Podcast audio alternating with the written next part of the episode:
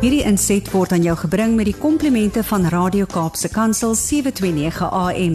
Besoek ons gerus by www.cape pulpit.co.za. Hartlik welkom. Ons gesels oor die lewe wêreld van ons mense met gestremthede. Toe ek laas met julle gesels het, het ons gepraat oor die verskillende dokumente wat beskikbaar is vir indiensneming en ek het genoem dis die tegniese ondersteuningsriglyn op die indiensneming van persone met gestremthede, dis die kode van goeie praktyk en ook die wet op gelyke indiensneming. En ons het 'n bietjie gesels oor van die dokumente in 'n volledige keer se program. Nou gaan ons verder praat daaroor. Baie belangrik, ek het genoem dat die Nasionale Raad van en vir persone met gestremthede in Suid-Afrika het 'n dokument beskikbaar gestel reeds oor hierdie saak en ek hanteer 'n paar sake wat na vore gekom het in hierdie dokument vandag weer met julle. Disability should be understood within the South African context, namely difference between medical and the social model of, of disability. Nou weet ek nie of julle al gehoor het van die sogenaamde mediese model en die sosiale model oor gestremdheid nie. Now this model, the medical model, focuses on the diagnosis and the curing of disability, with disability placed in the center of the problem. So as ons medies na iemand kyk, dan kyk hulle nou na my en sê Fani het 'n sensorale gehoorverlies van 110 decibels en dit beteken dat hy totale gehoorverlies ervaar. Dis 'n kliniese ontleding of 'n beskrywing van die persoon en wat die toestand die persoon het. Dan kyk ons net uit die mediese aspekte. While the social model expresses the view that disability is not the problem, but rather the negative attitudes and inaccessible environments in society. So die probleem lê buite in die gemeenskap. Die persoon het die verlies, maar as ek Sondag kerk toe wil gaan en daar's nie 'n goeie luidsprekerstelsel nie, dan maak hierdie omgewing my 'n gestremde persoon as gevolg van die feit dat ek 'n totale gehoorverlies ervaar. Nou om terug te kom tot die dokument, ons het gepraat oor die tag Technical Assistance Guideline on the Employment of Persons with Disability en ek lees verder hier uit die dokument van die Nasionale Raad. The tag aims to assist employers by helping them to understand. Nou kom ons kyk watter aspekte wil hierdie tegniese ondersteuning riglyn vir die man in die straat, die werkgewer, die werknemer sê. Iemand wat personeel het of iemand wat beoog om iemand in diens te neem. Eerste saak, their obligation to eliminate unfair discrimination and implement affirmative action measures in respect to persons with disabilities in the workplace. So dis 'n regte vraag aan die werkgewer. Wil jy asseblief in lyn kom met wetgewing en kyk dat mense met gestremdhede 'n gelyke geleentheid kan kry?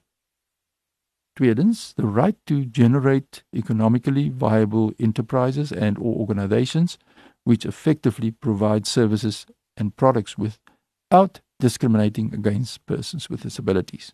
Sodat ons daardie strukture kan skep in die gemeenskap. Daar stel vir persone met gestremthede. Die derde punt, the opportunities that are afforded to them and then enterprises organizations through the employment of persons with disabilities. So ons moet hierdie organisasies sterk maak dat daar goeie plasingsagentskappe is vir persone wat ons kan gaan na agentskap toe en mense verstaan die diversiteit van gestremdheid binne in die breë gemeenskap. The tag aims to assist persons with disabilities by helping them to understand the following. Nou kom ons kyk 'n bietjie wat sê die nasionale raad. Wat doen hierdie tegniese ondersteuningsriglyn in terme van inligting wat hulle deurgee aan ons as mens, mense met gestremthede natuurlik, nê? Nee. The right to be not to be discriminated against in all aspects of employment. So met ander woorde daardie stigma wat ons deur moet gaan. Mense het 'n houdingsingesteldheid rondom sê nou maar iemand met 'n psigososiale gestremdheid, iemand wat as gevolg van depressie 'n psigososiale gestremdheid ervaar. Maar mense hou nie van mense met depressie nie. Daarom sluit hulle uit. Hulle nooi hulle eers om te kom vir indiensnemingsonderhoude nie, want hulle sny hulle maar net eenvoudig uit. So dit is die tag help ons om dit te hanteer the affirmative action measures to which they may be entitled through the Employment Equity Act. Watter stelsels en stelsels in plek? And then the obligation in participating as an as informed partners in the process. Die bemagtiging van persone met gestremthede.